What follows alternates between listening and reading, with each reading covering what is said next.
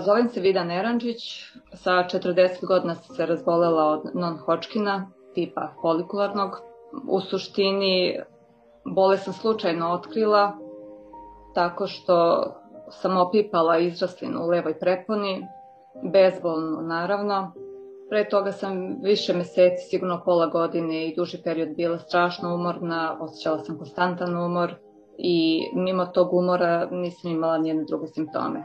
I onda se pojavila ta izrastina u levoj preponi i tada sam se obratila kod doktora. Recite mi kako ste se osjećali kad ste saznali da bolujete od neke maligne bolesti? Pa to je preveliki strah. Znači, mislim da ljudi blokiraju kad čuju da imaju malignitet, tad jednostavno prestaju da razmišljaju I ono kao da kažu kao da vam se ceo život vraća, znači da preslišavate i da vidite ceo život uh, od ranog detinjstva, to je baš tako, znači prelistavate sve što vam se ranije dešavalo, slike iz detinjstva, znači slike iz mladosti, uh, razmišljate o svojoj dete, uh, razmišljate, mislim da u tom trenutku razmišljate o svima onima koji su oko vas, o sebi najmanje. Ja sam, meni je prvo što mi je palo na pamet kako će moja deca bez mene funkcionisati dalje.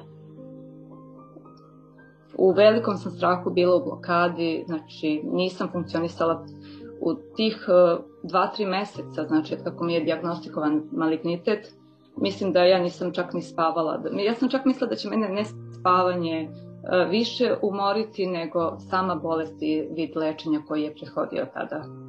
A recite mi ko vam je bio najveća podrška u tim trenucima? Uh, iskreno ja sam imala veliku podršku, imala sam podršku od svoje porodice, od uh, braće, sestara, od svih prijatelja, kolega, uh, mislim, svi su bili oni uz mene, ali mislim da u ovoj borbi da smo prvenstveno mi sami o njoj. Koliko god da je neko pored nas i oko nas, mislim da smo mi sami u ovoj borbi. Da li ste spremno ušli u tu borbu? Da li ste bili spremni na sve to što vas čeka ili ste ušli potpuno nespremni?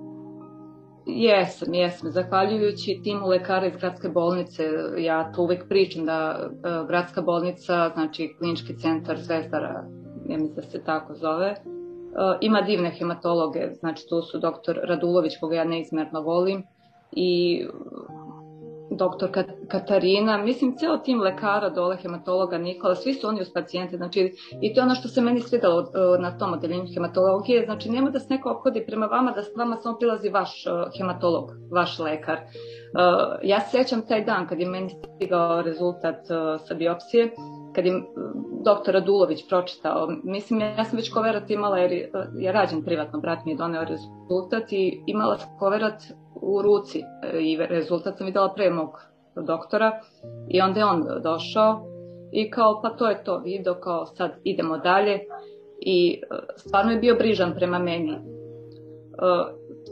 to podne ja uopšte ne znam kako sam funkcionisala, znam samo znači da uveče, znači doktorka iz noćne smene, čiji ja pacijent nisam, kad je obavljala vizitu, ona je prišla mom krevetu i rekla video kao idemo dalje, kao krećete sutra sa prvom hemioterapijom. Ona je žena sela, uzela stolicu, pošto u sobi e, su bile tri stolice i stočić, ona je uzela stolicu, sela kraj moj, mog kreveta i objasnila mi u tančine šta mene čeka u procesu lečenja. Iako je to meni moj doktor već toko dana sve objasnio, znači lekar iz noćne smene e, je isto, isto to uradio, iako ja uopšte nisam njegov pacijent. Tako da prosto sam im verovala i prepustila sam se znači njima. Da li mislite da biste mogli da, da ostavite sve to iza sebe da niste imali tako veliku podršku? Da li mislite da biste mogli sami da prođete ceo taj proces? Mislim da ne, ne. Mislim, uh, Mislite na tim lekara koji je bio uz mene ili u uh, porodica? na podršku koju ste dobili od porodice i od prijatelja i od lekara i od saradnika?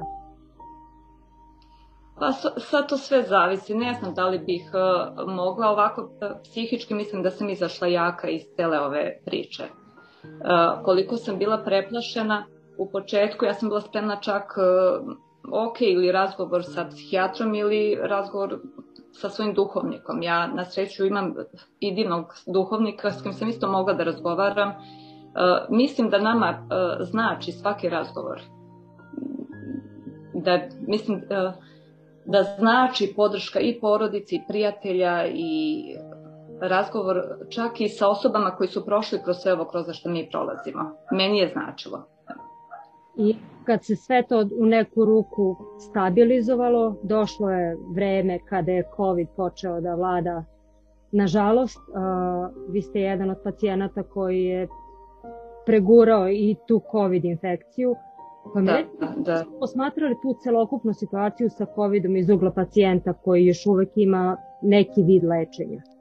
Tako je, tako je. Ja sam na terapiji održavanja i to traje dve godine od završene hemioterapije, tako da e, to traje otprilike do septembra ove godine. Prošle godine u julu, dva dana posle primjene imunoterapije, dobila sam temperaturu i odmah sam znala da je korona u pitanju. S tim što od marta do jula sam živala znači, u strahu kao i svi Mislim, e, sad više nije bitno da li je neko hematološki pacijent, onkološki, da li je kardiovaskularni. Mislim da smo svi u, u strahu što se tiče korone. Uh, tako da posle je to par meseci, znači od marta stvarno sam vodila računa, tad, još, tad sam bila i na bolovanju, nisam se vratila tada još na posao, uh, vodila, bila sam distancirana od svih. Uh, non stop su se brisale kvake kako kuđe, jer imam troje dece i normalno deca funkcionišu i idu u školu, suprug koji radi, tako da toliko sam se čuvala od tog virusa i na kraju kad sam dobila, pošto je prvo jedno dete dobilo temperaturu sutradan ja, pa posle, nakon toga drugo dete, znači ja sam odmah znala čim se pojela temperatura da je to korona i samo mi u glavi bilo to je to.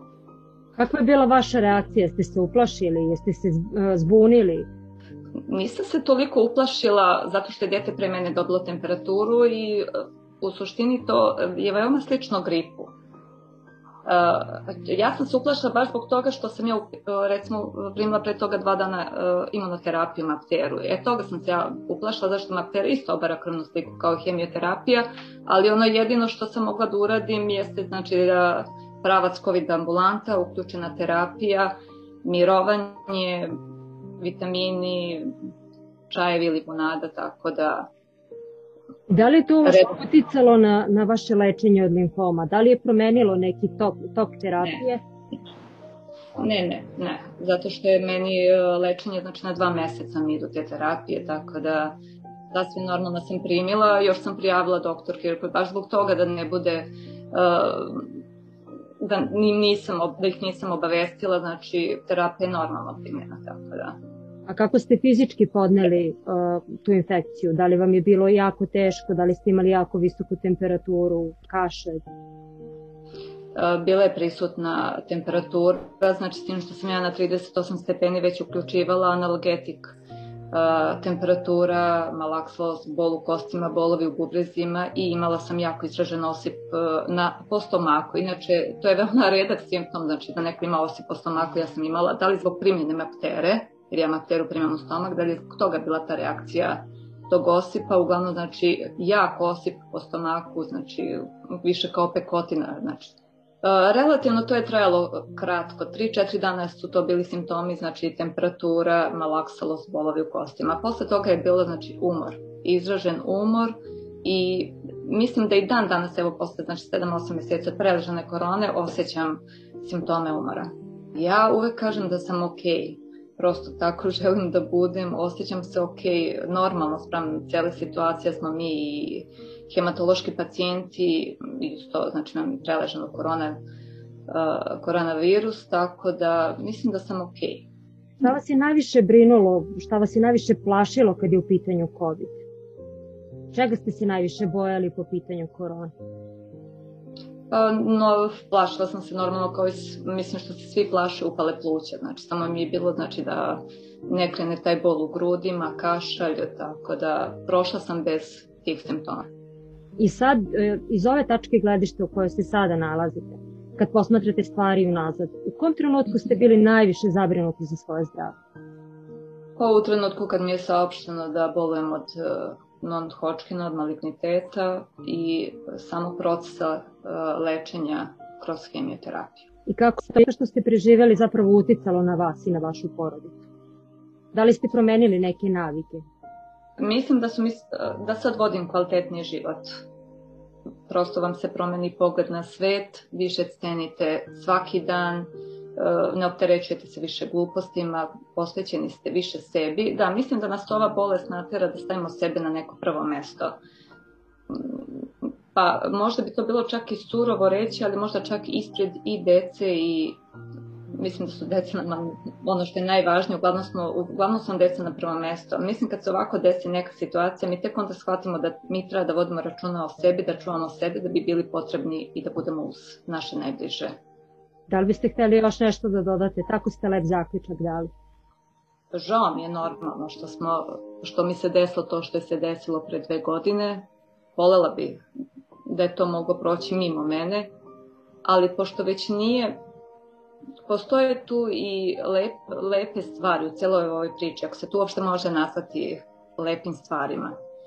Uh, kad nam se ovako nešto desi, mi onda shvatimo da smo mi u stvari mnogo jači nego što mislimo. Uh, osetimo se odjednom snažniji. Mi, tada se pojavi neka snaga koju mi inače nismo ni svesni da imamo. Znači, uh, borba za lepši, kvalitetniji život, uživanje u manjim stvarima, jer već to smo okupirani i posao i uh, sve nas je preokupiralo. Znači, mislim da način današnji, današnjice, znači stil života nam previše oduzima vremena, e, ne obraćamo pažnju na sebe, ne pratimo simptome koje naš organizam daje, a sigurna sam da nam svima organizam e, šalje simptome pre što bolest nastupi. A mi smo to u tom nekom jurcanju ignorisali, nismo primetili i desilo nam se to što se desilo, ali bar ajde sada, znači kad nam se sve to desilo, hajde sada nastavimo kvalitetni, normalniji život, jer mislim da ceo tok lečenja zavisi od toga.